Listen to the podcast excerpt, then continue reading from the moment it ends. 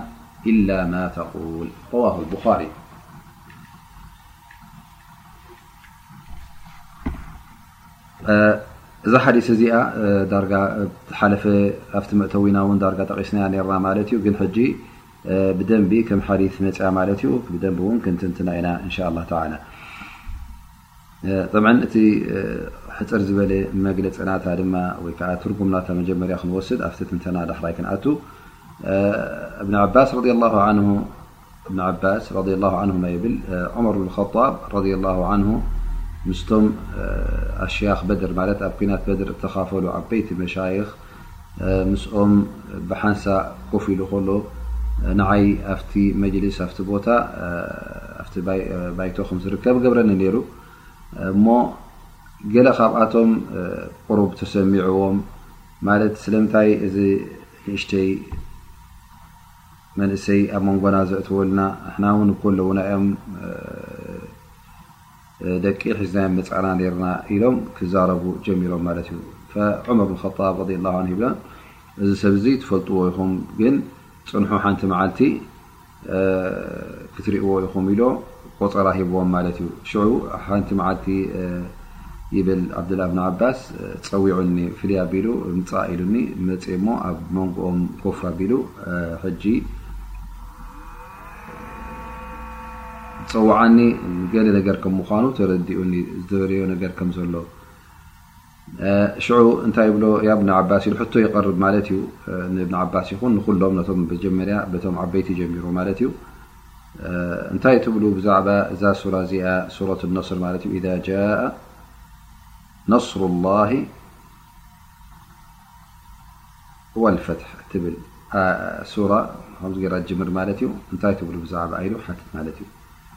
ገለ ካብኣቶም ኣላህ ስብሓን ወተዓላ እንተ ደኣ ተዓዊትና እንተ ደኣ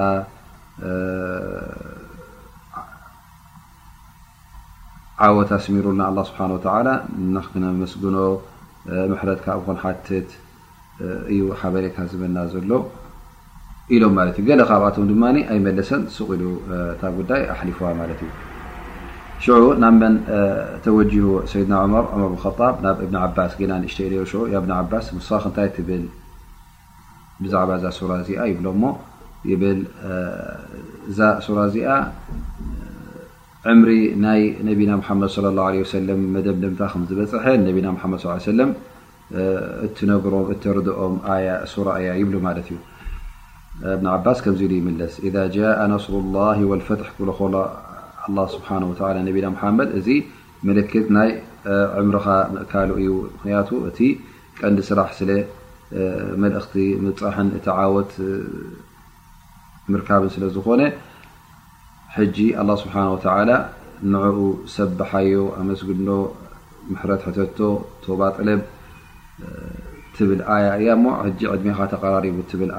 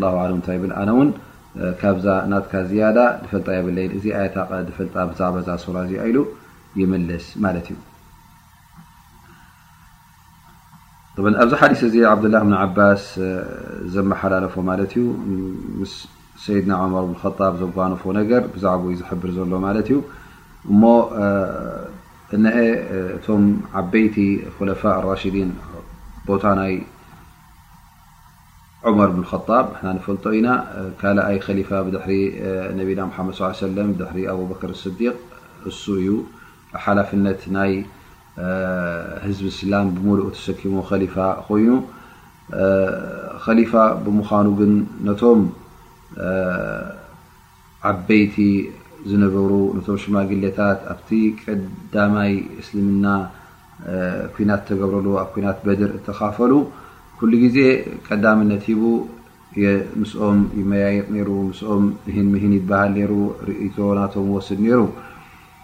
እዚ ሕጂ እንታይ እዩ ኩሉ ግዜ ንዕኦም ይእክቦም ሞይ ካብኦም ይሰምዕ ነይሩ ማለት እዩ። ጥራይ እዚ ዘይኮነ ውን እንተ ወላ ውን ንእሽተይ ኮይኑ ዕልሚ ዘለዎ እተ ኮይኑ የቕርቦ ነይሩ ማለት እዩ። ምክንያቱ ኩሉ ግዜ ዕልምን ፍልጠትን ንወዲ ሰብ ደረጅኡ ክብይ ዘብሎ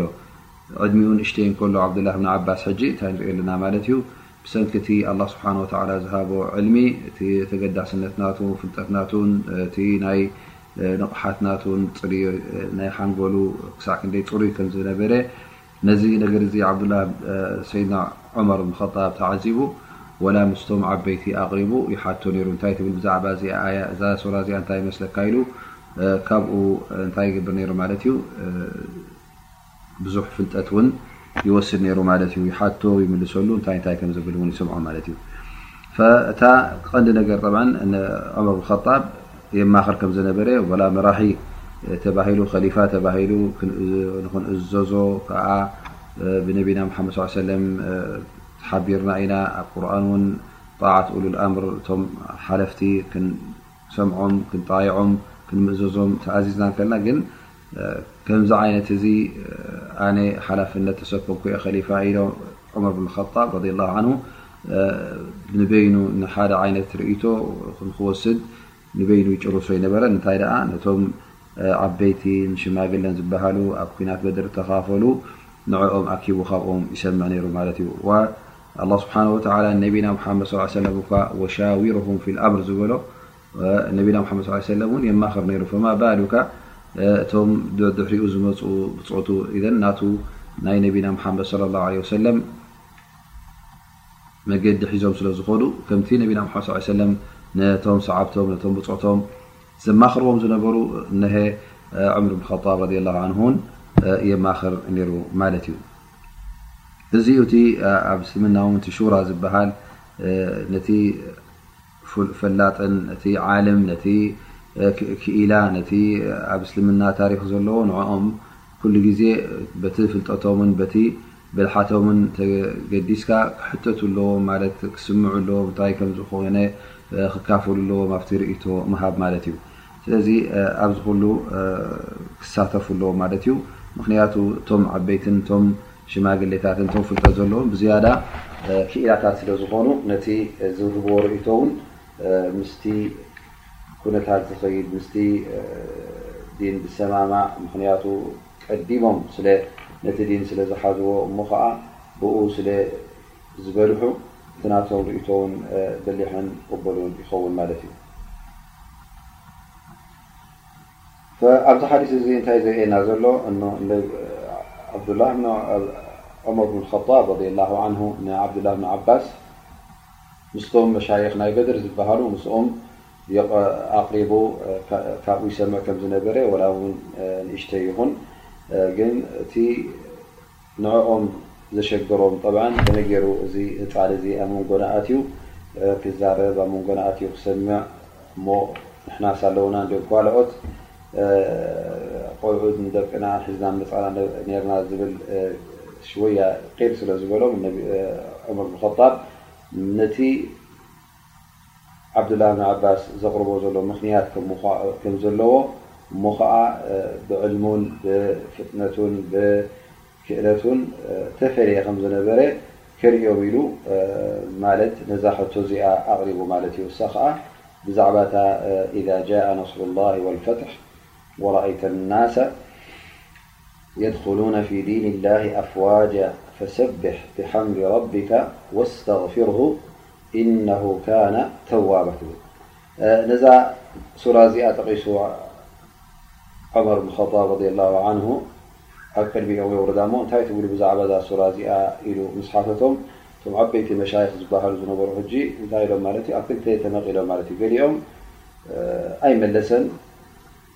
ያኒ ፍልይ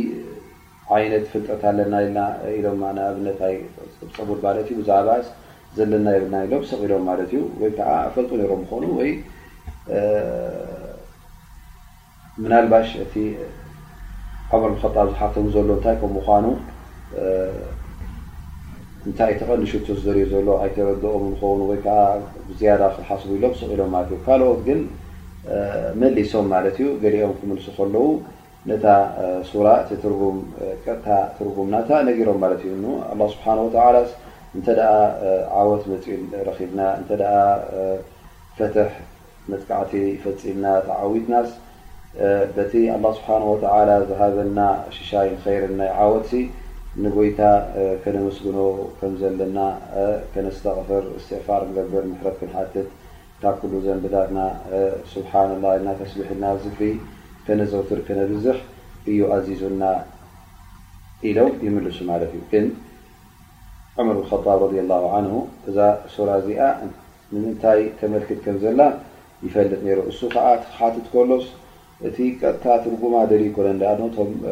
እዚ ቀጥታ ትርጉማ ኩሎም እቶም ኣስሓብ ነቢ ይፈልጥዎ እዮም ግን እቲ ቀንዲ እዛ ሱራ እዚኣ ካልእ ትሕዝቶ ዓቢ ትሕዝቶ ሒዛቶ ዝመጸትሲ እንታይ ከም ምዃኑ እቲ ሽቶ ናታ ብዝያዳ እፈልጥ ስለ ዝነበረ ካብኦም ክሰምዕ ደልዩ እሶም ከኣ ካብኦም ዝጠቐስ ኣይነበረን ሽዑ ናብ መን ተወጂሁ ማለት እዩ ናብ ዓብዱላህ ብን ዓባስ እንታይ ትብል ብዛዕባ እዛ ሱራ እዚኣ ኢሉ ምስ ሓተቶ ኣነ ዝብሎ እኖ እዛ ሱራ እዚኣስ ዕድመ ነቢና ሙሓመድ ሰለላሁ ዓለይሂ ወሰለም ኣብ ምእካሉ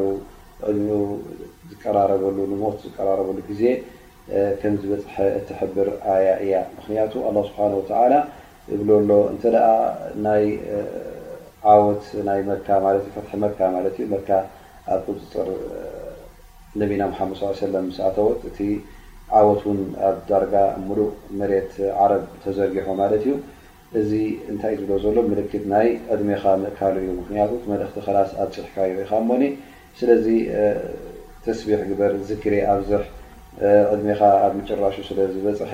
እስትቕፋር ግበር ዘንብታትካ ንኽሕጸበልካ ቶባ በል ኢሉ ኣላህ ስብሓን ወተዓላ ንነቢና ሙሓመድ ሰለላሁ ዓለይሂ ወሰለም ሓበሬታ ዝህበሎም ዝህበሎም ሱራ እያ ኢሉ ይምልስ ማለት እዩ። እፈ ዑመር ብን ኸጣብ ረዲየላሁ ዓንሁ ኣነ ውን ልክዕ ከምዛ እስኻ ዝበልካያ ከምኣየ ዝፈልጠላ እዛ ሱራ እዚኣ ኢሉ ጠብዐን ይጠቅስ ማለት እዩ እሞ እቲ ተረድኦ ናይቲ ኣያታት ወይ ከዓ ናይቲ ሱራታት እንተደኣ ርኢና ኣሎ ናይ ቀጥታ ትርጉም ሒዝዎ ዝመፅእ ኣሎ ከዓ እቲ ናቱ ሽቶን እቲ ክወቕዖ ሓሲቡ ዘሎ ነጥብን ድማ እዚ እውን ዓብዪ ተረድኦ ኮይኑ ይርከብ ማለት እዩ እዚ ከኣ እንታይ ዘርእየና ከምዚ ዓይነት እዚ ተረደኡ ክህልወና ከም ዘለዎ እዚ ኣረዳድኣ እዚ ከኣ ዝኾነ ሰብ ኣይኮነን ዝበጽሖ ማለት እዩ እንታይ ደኣ እቶም ረቢ ዝሃቦም እቶም ዕልሚ ዝሃቦም እዮም ቀሊል ነገር ስለ ዘይኮነ እዚ ዓቢ ክእለት እዩ ዘለካ ዘድልየካ ማለት እዩ ፍልጠት የድልየካ ናይ ሓንጎል ውን ብርታዐን ናይ ሓንጎል ከኣ ክእለት ክኢላ ክትከውን ኣለካ ማለት እዩ ሓንጎልካ ከተስርሖ ፈጣን ክትከውን ኣለካ ማለት እዩ ነዚ ነገራት እዚ ነቲ ደቂቕ ነገራት ካብቲ ኣያታት እትርድኦ እንተ ኣሎ ኮይኑስ እዚ እንታይ ትሕግዘካ ማለት እዩ ብዝያዳ ነቲ ቁርን ክትርድኦ ትኽእል ማለት እዩ ወሃዳ እዚ ከዓ ኣላ ስብሓን ወተዓላ እዩ ዝበካ ከምዚ ዓይነት እዚ ተረድኦ ፋሃም ክትረክብ እንተ ደኣ ኮይንካ እዚ ናይ መውሂባ ናይ ኣላ ስብሓን ወተዓላ እዩ ምስቲ ተምሃርካዮ ዝያዳ ትዳቐቀሉን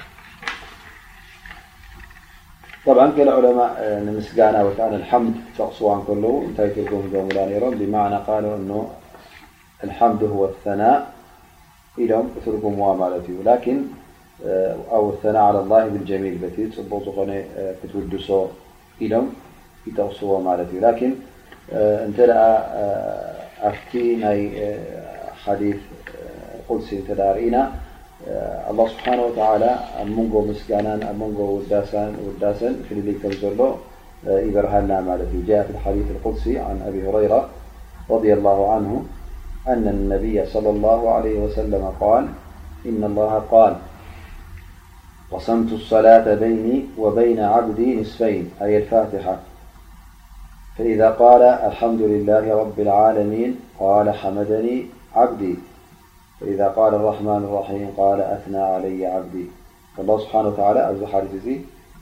እንተ ባርያይ ኣልሓምዱሊላህ ኢሉስ ባርያይ ሓሚዱኒ ይብል። ኣላህ ስብሓነሁ ወተዓላ እንተ ኣራሕማን ኣራሒም ኢሉ ባርያይ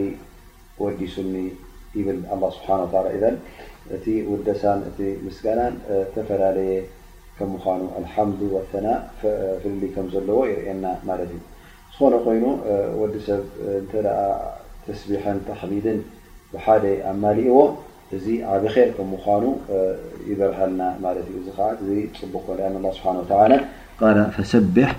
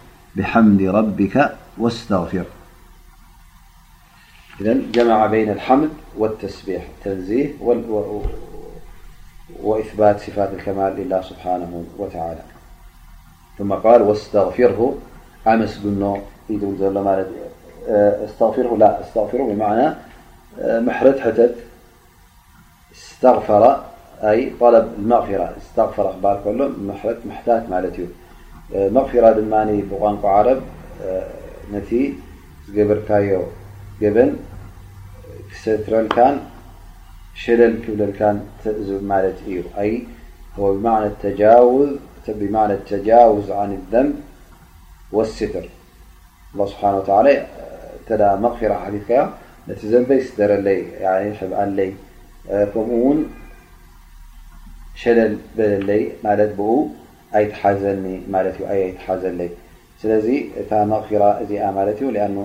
ይብሉ እዛ መቕፊራ ካብ ምንታይ እያ መፅኣ ካብ ኣብ ኩናት እተ ኣቲኻ ሕጂ እንታይ ነይሩ ቀደም እንታይ ይገብሩ ነይሮም ኣብ ርእሶም ሕጂ ብሓፂን እተሰርሐት ወይ ከዓ ብድልዶ ዓይነት ነገር ተሰርሐት ንረዛ ርእሶም ይሽፍንዋ ነይሮም እዚ ሕጂ እንታይ ይበሃል ነይሩ ሚቕፈር ይበሃል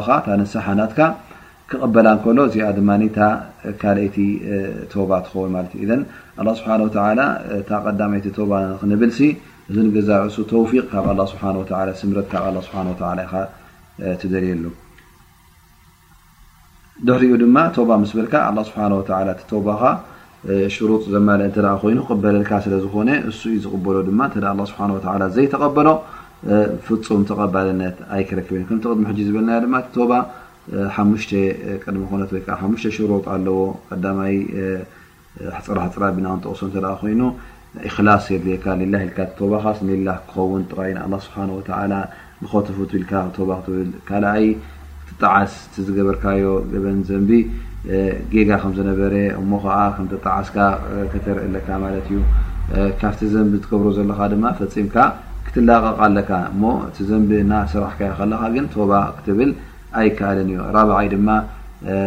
ንኸይትምለስ ኣብዚ ዘንቢ እዚ ክትህቅን ኣለካ ማለት እዩ ብርግፅ ኣነስ ድሕሪ ሕጂ ኣይምለስን ኢልካ ነቲ ጉዳይ ክትህቅነሉ ኣለካ እንተ እዚ ዘየሎ እቲ ቶባ ጉድለት ኣለዎ ማለት እዩ ሓሙሻይ ሸርጥ ድማ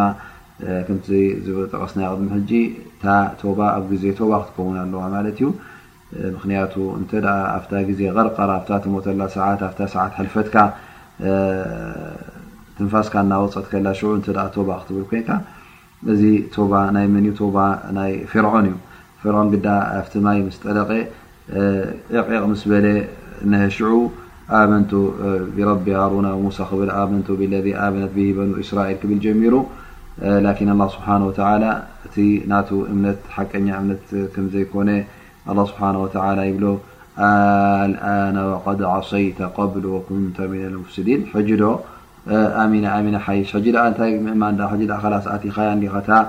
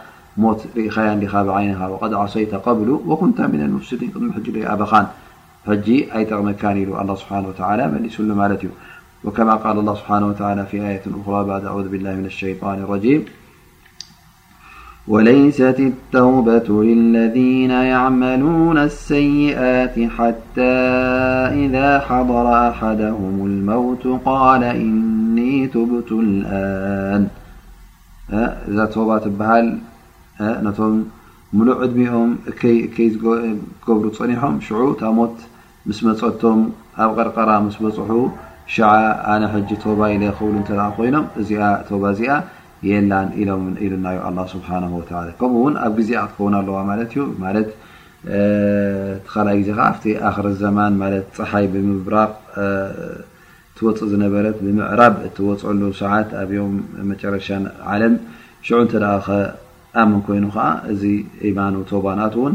ኣይክጠቅምን እዩ ዝኾነ ኮይኑ ወዲ ሰብ ኩሉ ግዜ ዚክሪ ከብዝሕ እስትቕፋር ከብዝሕ ርኩዕ ስጁድ ናብ ኣላ ስብሓን ወተላ ሰናይ ተግባራት ከብዝሕ ኣድላ እዩ ላኪን እቲ ብዝያዳ ብዝያዳ እዚ ጉዳይ ከዓ መዓስ ይረጋገፅ ማለት እዩ ኩሉማ ዕድሜ እናደፈዐካ ክትከይድ ከለኻ ወዲ ዕስራ ዓመትን ወዲ ሱሳ ዓመትን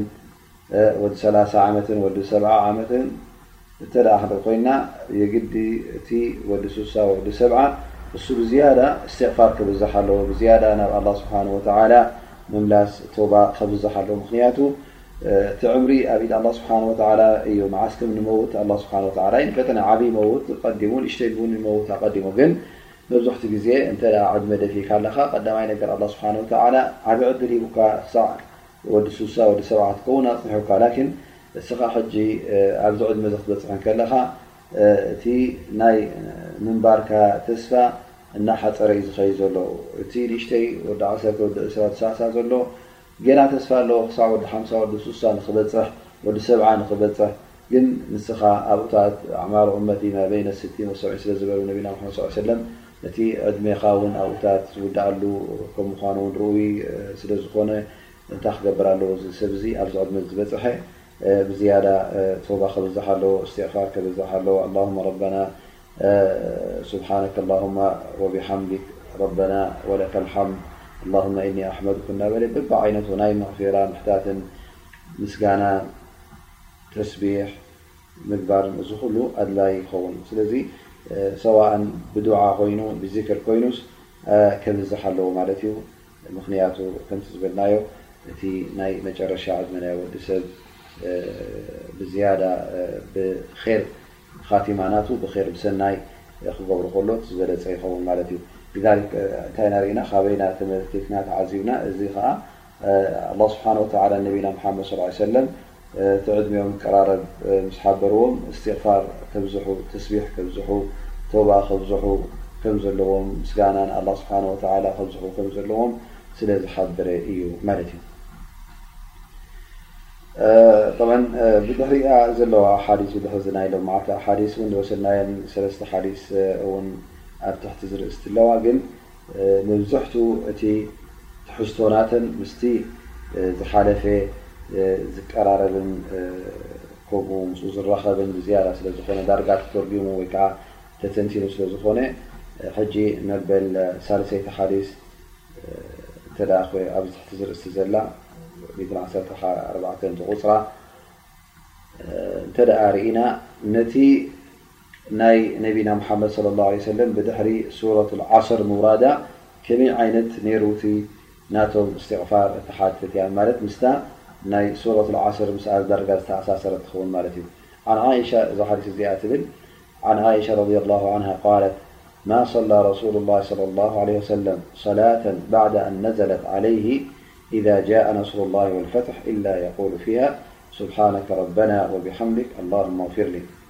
متفق عليك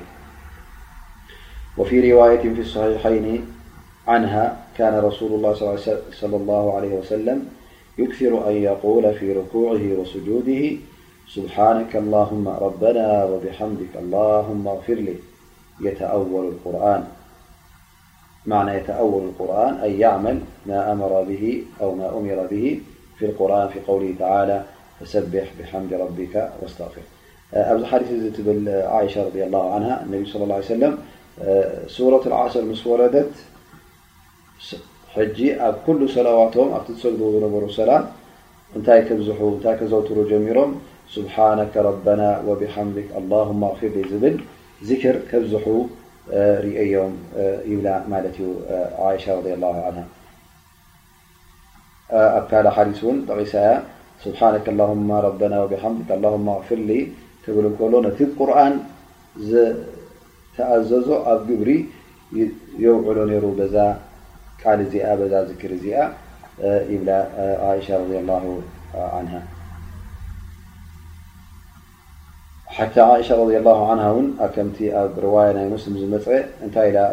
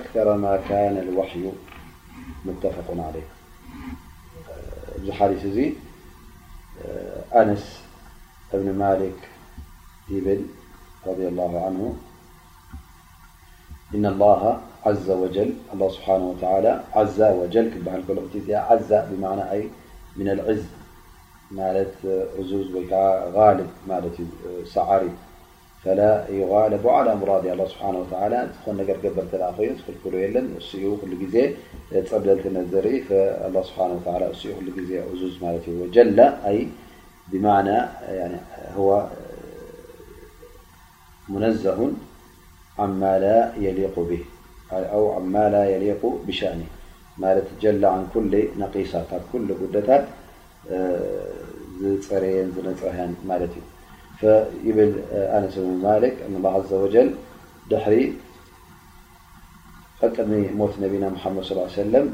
እቲ ወሓይ ብብዝሒ ናብ ነቢና ሙሓመድ ሰለላሁ ዓለይሂ ወሰለም ቐቅድሚ ሞቶም ክበዝሕ ጀሚሩ። እዚ ኸኣ ምእንቲ እቲ ኣላህ ስብሓነሁ ወተዓላ ንባሮቱ ዘውርዶ ዝነበረ ሸርዒ ክጭረስን ክምላእን ስለ ዝኾነ፣ እሞ ኸኣ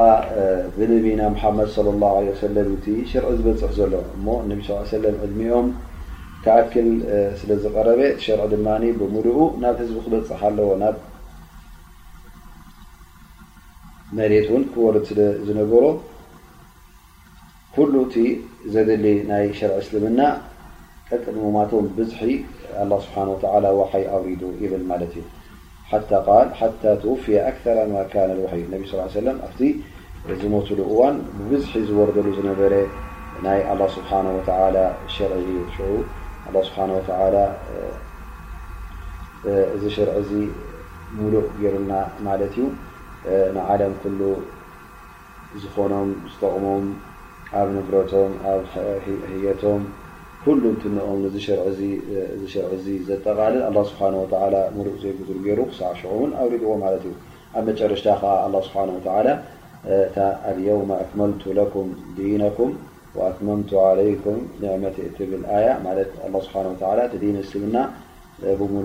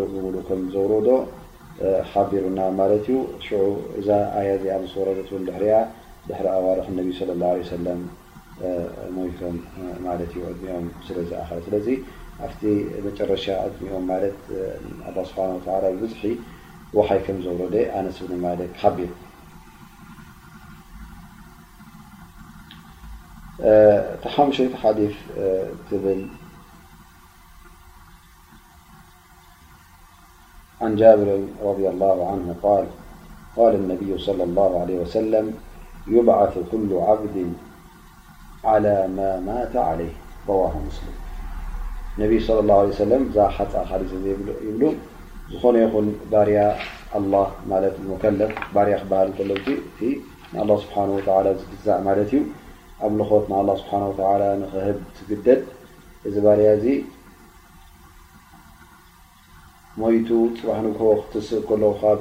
ቀብሩ ኣብ ዮም ቅያማ ከምታ ዝነበራ ኣፍታ ዝነበራ ወይከዓ እታ ሒዝዋ ዝነበረ ወይዓ እሳ ዝሰርሓ ዝነበረ ብኣዩ ዝትስእ ኢሎም ነቢ ለ ላ ለ ወሰለም ጠብ ብማዕና ሕና ውን ተዳርእና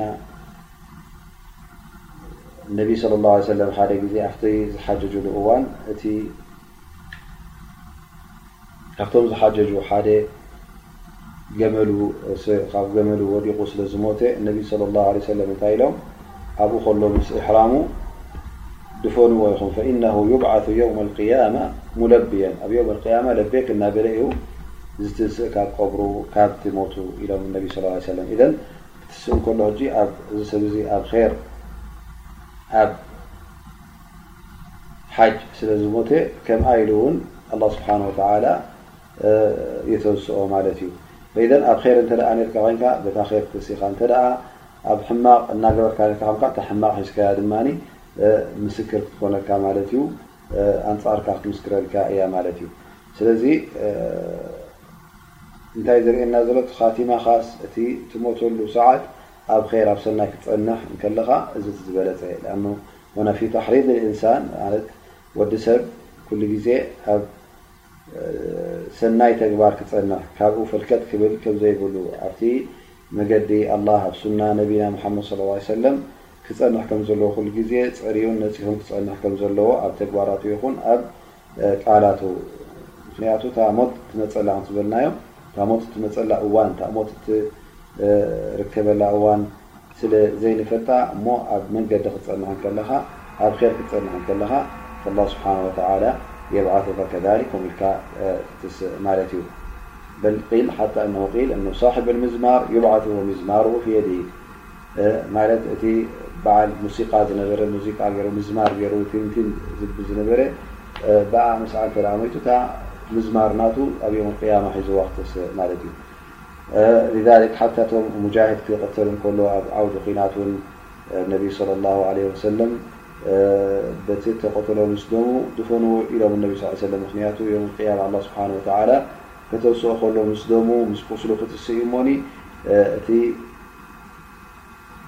ደም